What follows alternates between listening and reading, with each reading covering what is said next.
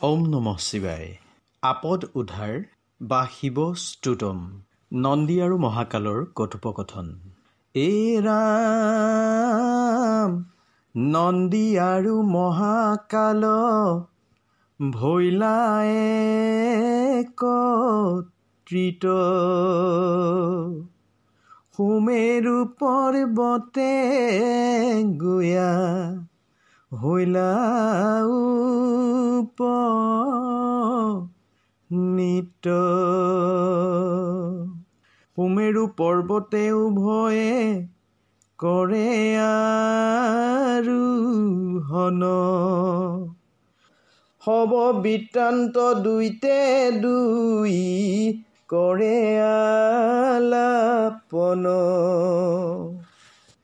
মহাকালে কয় নন্দী শুনাহে বচন মোৰ এটি প্ৰশ্নৰ দিয়া সমী ধান।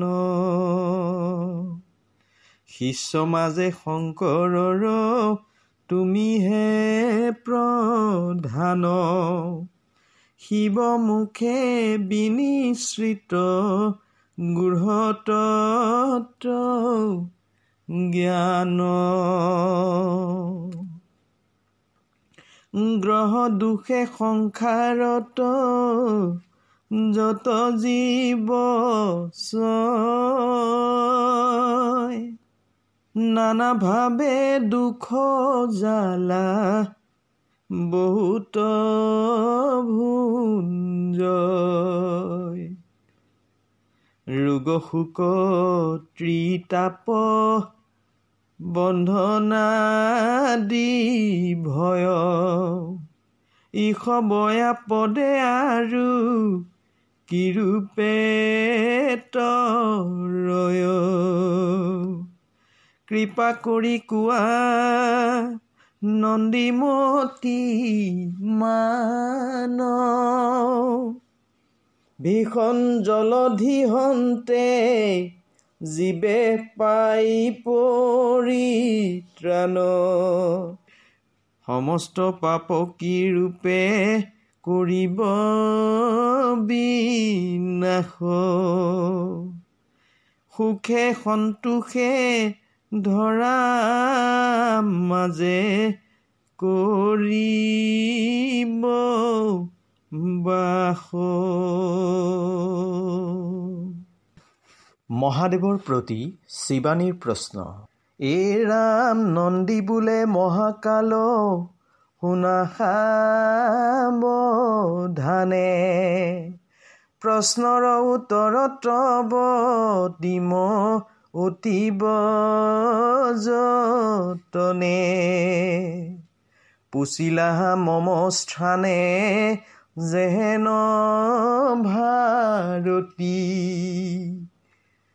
শিৱৰ পাশত যিটো পুচিলে পাৰ্বতী। তাৰ যিটো সত্য উত্তৰ দিলে শংকৰ। সত্য সত্য কহিবুগা তাৰ্থে তোমাৰ। একদিনা দেৱ পঞ্চা নন কৈলাসত বহি আনন্দিত হৈয়াই আছে দিব পদমা হনে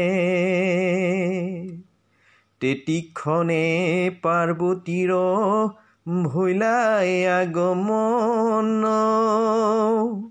কৰ পদ্মে, পাদ পদ্মে হস্তাংগ ধাৰণ। সবিনয়ে প্ৰাৰ্থনা কৰোঁ, কাতৰ কণ্ঠে। এটি মাত্ৰ কথা সুধো মোৰ প্ৰাণনাথ কৃপা কৰি দিয়াহে উত্তৰ তাহাৰ। সুখী কৰা কৃপা সিন্ধু দাসীৰ তৰ তুমি মোৰ গুৰু মই তব দাসী। অৰ্ধাংগিনী বুলি মোক দিয়াত তব ভাষী। অতি গূঢ় বাক্য ইটো যে বচন। পুত্ৰ শিষ্য কোনে বাৰু কৰ গোপন। পাৰ্বতীৰ বাক্য শুনি হৰ্ষিত পশুপতি সুমিশ্ৰ সুৰেৰে কলে ভগৱতীৰ প্ৰতি কোৱা দেৱী কি শুনিবা? মম বিদ মান বিৱৰি কম মই তোমাৰ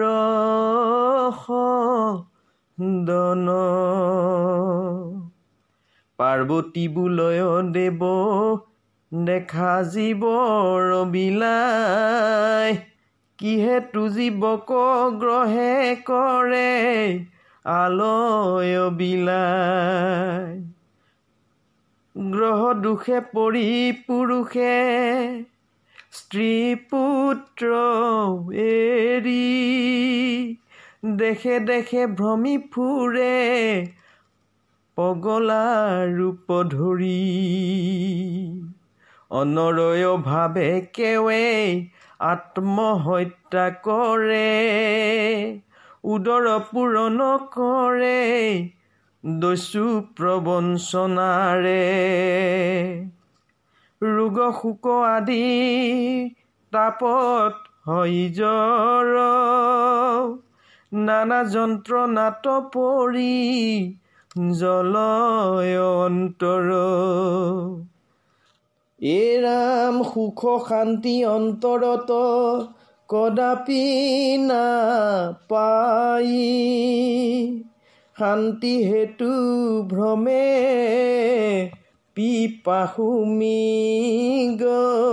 পাই জীৱশ্ৰেষ্ঠ মনুষ্যৰ দুখ কৰি নিৰীক্ষণ বেঠাই আকুলিত হওঁ সৰ্বক্ষণ। এনেকুৱা দুখৰ পৰা পাব কোনে ত্ৰাণ? দয়া কৰি কোৱা নাথ ইয়াৰ সন্ধান। এৰাম প্ৰিয়তমা পত্নী তুমি অতি চেনে হৰ। খুলি কম মই উজাৰি অন্তৰ। শুনা প্ৰিয়া সুখ দুখ নিজ কৰ্ম ফল নিশ্চয় কৰিব ভোগ মনুষ্যসকল শুভ কৰ্ম কৰিলে পাই শুভ ফল। ইয়াৰ বিপৰীত কালে নহয় সফল। শিৱানী বোলয় প্ৰভু তুমি দেৱ দেৱ স্বৰ্গমত্য পাতালত আৰু নাহি কেও। তোমাৰ মায়াত মুগ্ধ জীৱ অনুক্ষণ কি ৰূপে কৰা প্ৰভু যাক যেনে যতন শুকৰ মৰ প্ৰবৃত্তি দিয়া সবাৰ প্ৰতি নিবাৰণ কৰা দেৱ মনুষ্যৰ দুখ দুৰ্গতি। কিমতে মনুষ্যৰ দুখ হ'ব অৱসান। নিৰন্তৰে তাকে মই কৰোঁ চিন্তন ভাবি ভাবি কোনো কালে উপায় নাপাওঁ। সেই হেতু ভোলা নাথ তোমাক জনাওঁ।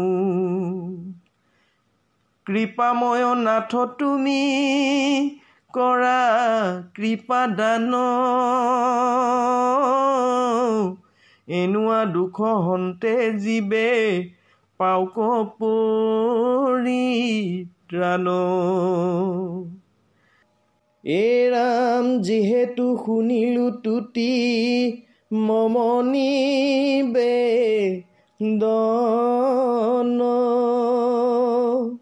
নিশ্চয় হ'ব মোৰ বাসনা পুৰণ। পাৰ্বতীৰ প্ৰশ্নৰ উত্তৰ। এ ৰাম পাৰ্বতীৰ প্ৰশ্ন শুনি বুলন্ত শংকৰ তোমাৰ প্ৰশ্ন হয় অতীব সুন্দৰ অপাৰ আনন্দ দিলা তুমি মোৰ মনে। আমাৰ উত্তৰ প্ৰিয়া শুনা খাব ধানে। জীৱৰ তৰণ হেতু কৰিছা মন। অৱশ্যে তোমাৰ হ'ব কামনা পূৰণ। দয়াময়ী দেৱী তুমি দয়াৰ কৰ মংগল কামনা কৰা সমস্ত জীৱৰ। শুনা শুনা দেৱী মূৰ এটি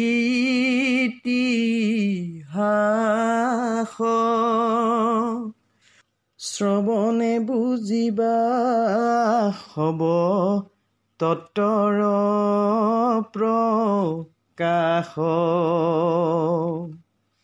মোৰেই পৰম ভক্তা পিংগলা ভামিনী। সংক্ষেপে কহিবু তাৰ প্ৰাচীন কাহিনী আদ্যকালে সেই নাৰী অতি পাপচাৰী। পিংগলা জীৱন নিৰ্বাহ অতি অনাচাৰী। তাহাৰ পাপৰ মই কি দিম তুলনা? সৰ্ববিধ পাপ কৰিয়া নাযায় বৰ্ণনা। সুখ বুলি যত পাপ কৰ সঞ্চাৰ সিমানেই দেহ পুৰি হয় চাৰাখাৰ ত্ৰিতাপ যন্ত্ৰণা মনে পাই অনুক্ষণ শান্তি লেখ নাপায় তাইৰ বিষাদ বদন। হাই হাই সুখ বুলি কৰিলো যি পাপ। সেয়েহে দেখো মনত পাওঁ মহাতাপ। সৰ্বদাই পাপ আৰ্জি কটালো জীৱন কি হ'ব গতি মোৰ চাপিলে মৰণ। নিৰৱধি কৰিলো যত পাপাচাৰ কি কৰিবে পাম পাপৰ নিস্তাৰ পিংগলা ইসব ভাবি কান্দি কৰে হাহাকাৰ। চকুৰ লোটকনি গৰে জৰ জৰ ভাগ্য ফলে হল তাইৰ সাহস উদয় শুনিছো শংকৰ প্ৰভু অতি দয়াময়। অল্পতেই তুষ্ট হৈ মনুষ্যৰ প্ৰতি ভক্ত মাজে ৰাখে এটা হাৰ খ্যাতি। পিংগলা লৈলা তাহাৰ চৰণে আৰ্চয় মোৰ প্ৰতি কৃপা দৃষ্টি কৰিব নিশ্চয়। এই ভাবি শংকৰৰ ধ্যান আৰম্ভিলা। দুই নয়ন লোটকেৰে ভাহিব লাগিলা। চকু পানীৰে অভিষিক্ত কৰিলা চৰণ। স্বকৃত পাপৰ বাৰ্তা কৰে নিবেদন। আজন্ম মূৰ প্ৰভু পাপত হৈলা সেই কোনো দিনে কোনো পূৰ্ণ কৰা নাইলে। অন্তৰ্যামী প্ৰভু তুমি সবাকে জানা? তোমাৰ চৰণে ললো শৰণয়াশ্ৰয় সৰ্বদাই কৰা তাক আশ্ৰয় প্ৰদান। সৰ্বৰূপে কৰা তাৰ কৈলান বিধান। কল্পতৰু তলে পাপী হলে উপস্থিত। পাপীক কৃপা দানৰ নকৰে বঞ্চিত। পিংগলাই কলে যেন ইহে নবচন। শূন্য মাৰ্গে দৈৱবাণী ভৈলা তেতিখন। হে পিংগলা কিহেতু ইমান দুখ কৰা। তোমাৰ ক্ৰদনে মোৰ অন্তৰ বিদৰা। এই ৰাম সবাকো ত্যাগী শুনা মুহুৰ বচন। যিহেতু লৈছা মোৰ চৰণে শৰণ যতে ক তোমাৰ পাপ কৰিম খন্দন জানি বুজি লৈছা মোৰ তেহে শৰণ গৃহ লাগি যোৱাই বে কৰা বিশ্ৰাম মৃত্যু অন্তে পাবা মম ধাম। মোৰ লভিবৰ পথ কৌত স্থান শ্ৰৱণ কৰা তাক অতি খাব ধান। অনন্ত নাম মোৰ যে অসীময় পাৰ। মোৰ নামৰ কোনে পাই পাৰ? অস্তুতৰ শতনাম সৰ্বতো প্ৰধান। তোমাৰ গোচৰে কওঁ শুনা মন দিয়া। এই নাম জপিবা এক মন হুই। সদা সুখ শান্তি লোভিবা তুমি।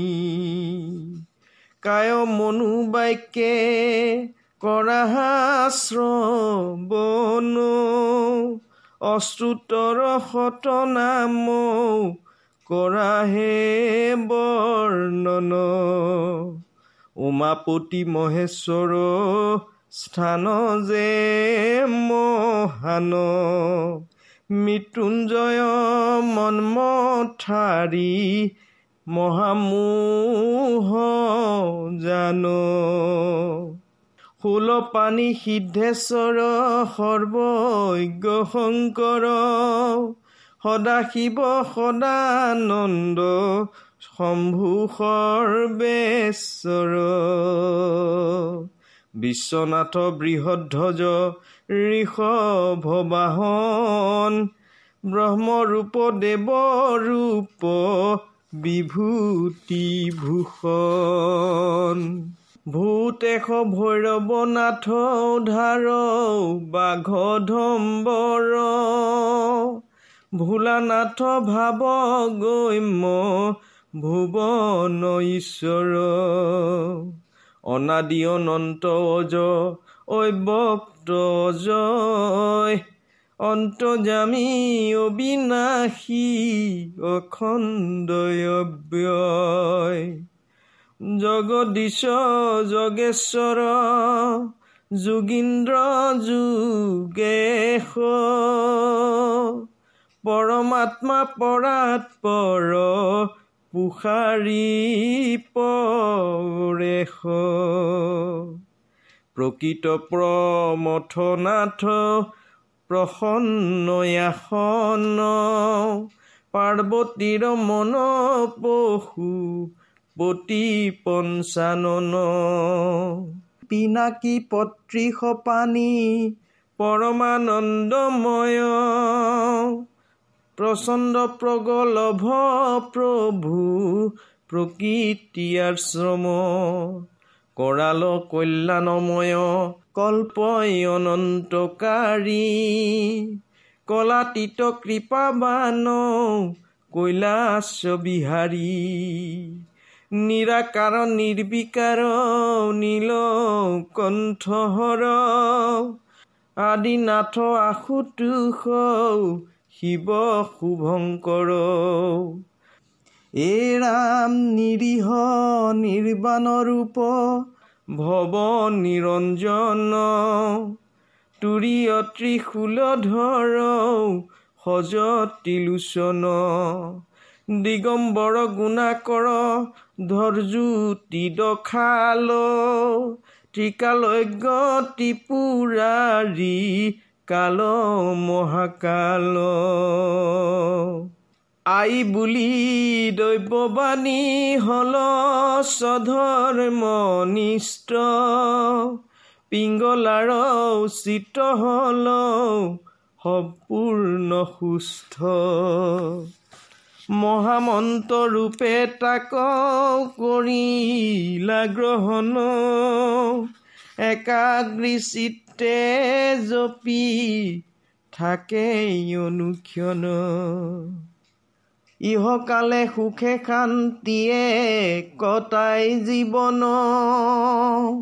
অন্তিমকালে শিৱলোকে কৰিলা গমন শিৱলোকে মহাদেৱী কৰিলা শ্ৰৱণ পিংগলাৰ চৰিত্ৰ কৰিলো বৰ্ণন।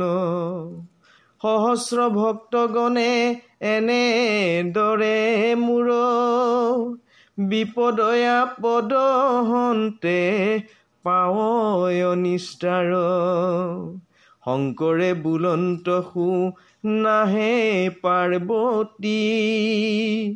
তোমাৰ প্ৰশ্নৰ উত্তৰ পালা সম্প্ৰতি। নন্দী মহাকাল দুয়ো জানে তত্ত্বসাৰ জগতৰ হিতাৰ্থে কৰিব প্ৰচাৰ। মনে মনে যিটো কৰে সংকল্প পোষণ। অতি শীঘ্ৰে পূৰ্ণৰূপে তব হৈবে কপূৰণ। এ ৰাম পুনৰূপী ভগৱতী কৰি জোৰ হাত। অতি আনন্দিত হৈলো পাই মম প্ৰশ্ন তৰাম পুনৰূপী ভগৱতী কৰি হাত। অতি আনন্দিত হৈলো পাই মম প্ৰশ্ন তৰ হৰি ৰাম ৰাম এ ৰাম পিনাকী পত্ৰী সপানী পৰমানন্দ ময়। প্ৰচণ্ড প্ৰগলভ প্ৰচণ্ড প্ৰগলভ প্ৰভু প্ৰকৃতি আশ্ৰম কৰাল কল্যাণময় কল্পয়নন্তকাৰী। ওম নম শিৱায়। শিৱৰ আপদ উদ্ধাৰ সমাপ্ত।